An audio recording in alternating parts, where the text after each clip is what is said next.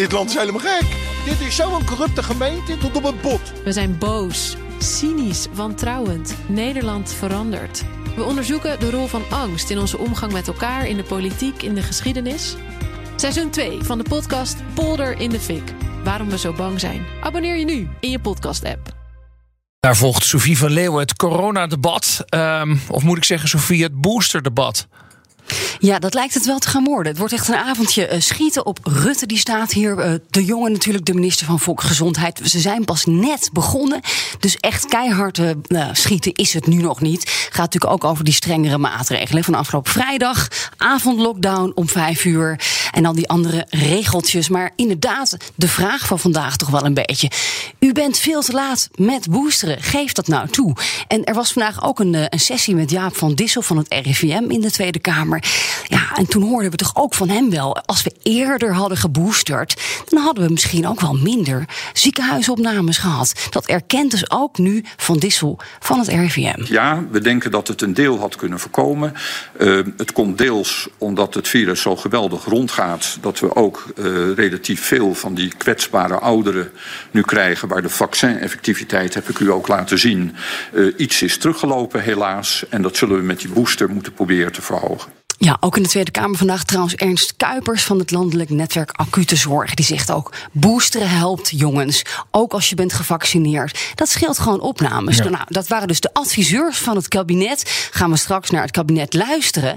Ja, waarom dat dan toch mis is gegaan eigenlijk ja. de afgelopen tijd. Ik vind het wel mooi dat we een nieuw werkwoord hebben. Hè. Boosteren vinden we heel normaal de afgelopen ja. weken. Uh, derde prik. Derde, derde prik, extra ja, prikje. Goed, ja. Um, maar uh, waarom is het niet gebeurd? En gaan Rutte en de jongen het ook toegeven? Dat, dat het inderdaad te laat is gebeurd. Nou, de inzet natuurlijk wordt uh, van de oppositie. Jullie staan echt voor gek. Wij met z'n allen in Europa. Miljoenen zijn al uh, voor die derde prik gegaan uh, in landen om ons heen. Wij beginnen net. We staan onderaan alle lijstjes.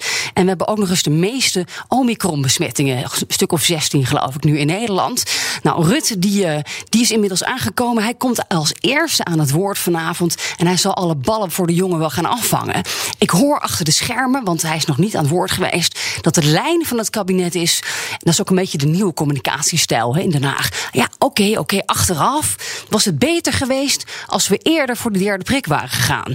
En uh, dat hebben ze ook in Israël gedaan. Ja. Het had inderdaad wel wat opnames uh, in het ziekenhuis kunnen schelen. Dus ik denk dat ze dat wel gaan toegeven. Sophie, even, even achterloos uh, wordt er gezegd. Hij gaat de ballen voor de jongen afvangen. Haags jargon voor hij gaat er even uit de wind houden. Waarom? Nou, kan hij het zelf niet meer? De jongen heeft het heel erg zwaar de laatste tijd. Die is natuurlijk al, nou ja, door heel Nederland heeft hij over zich heen gehad. En dan zie je toch wel vaak dat uh, ja, Rutte, die wat handiger is in het debat, die komt dus als eerste aan het woord. Daarna trouwens Arie Slop van Onderwijs. En dan pas heel laat als iedereen moe is. Hugo de Jonge. Ja, dan, dan helpt uh, Rutte hem uh, een beetje. Maar hij is natuurlijk ook wel eindverantwoordelijk hè, voor, van het kabinet. Het is zijn kabinet en Rutte moet het toch ook wel echt gewoon goed kunnen uitleggen. En hij kan het ook wat beter uitleggen. Uh, denk ik. Wat ik dan zelf hoor, is dat ze eigenlijk ook een beetje de schuld gaan geven aan de gezondheidsraad. Want ze hebben advies gevraagd in september. En toen vonden ze het nog niet nodig. Mm. Nou, die vinden ze erg traag.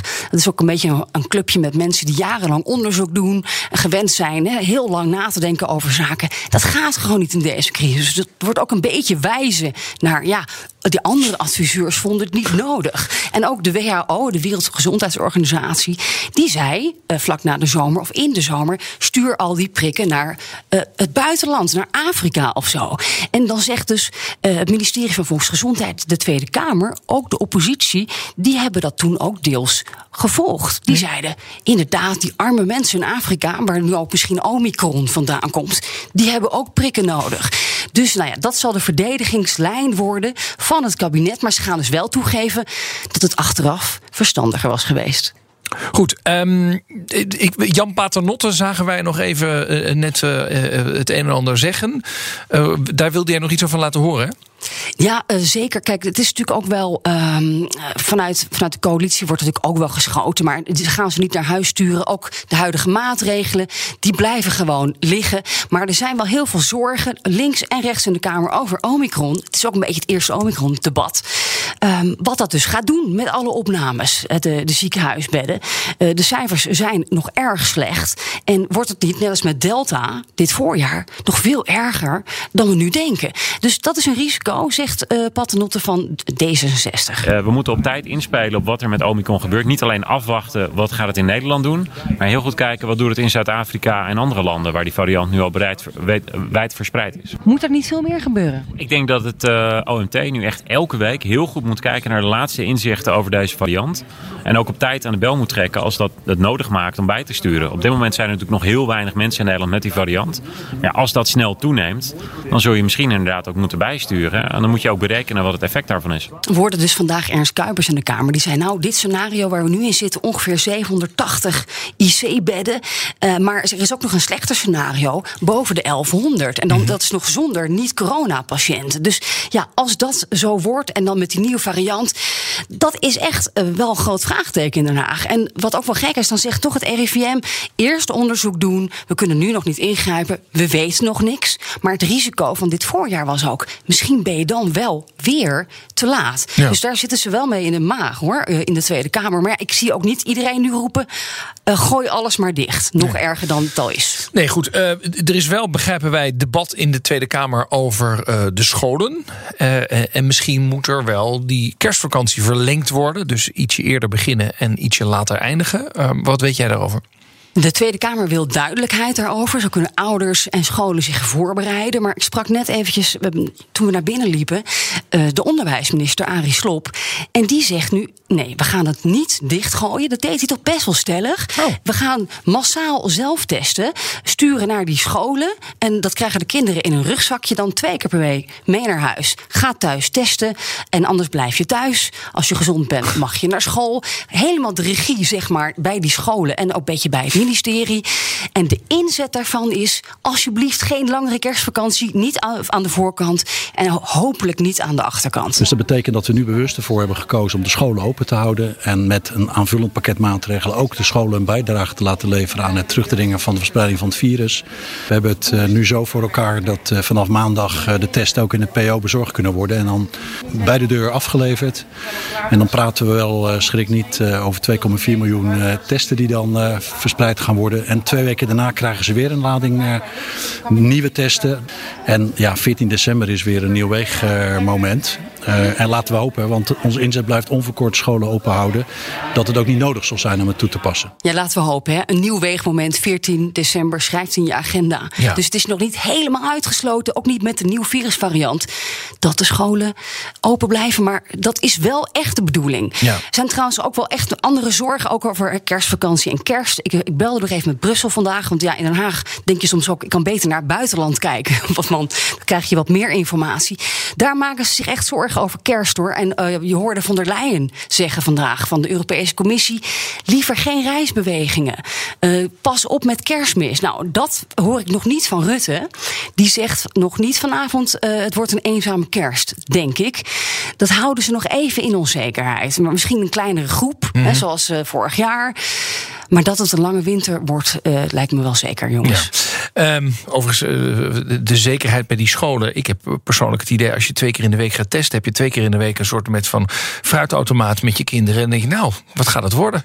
Gaan we thuis blijven of niet? Toch? Het is, ik vind, vind dat bijna nog onzekerder dan gewoon vier weken de kinderen thuis. Maar goed, uh, ja. dat is ja. de familie de Jong. Um, gewoon doen. Ja, precies. Um, dan het reizen. Want daar zit natuurlijk ook uh, een heel uh, grote ding, denk ik dan.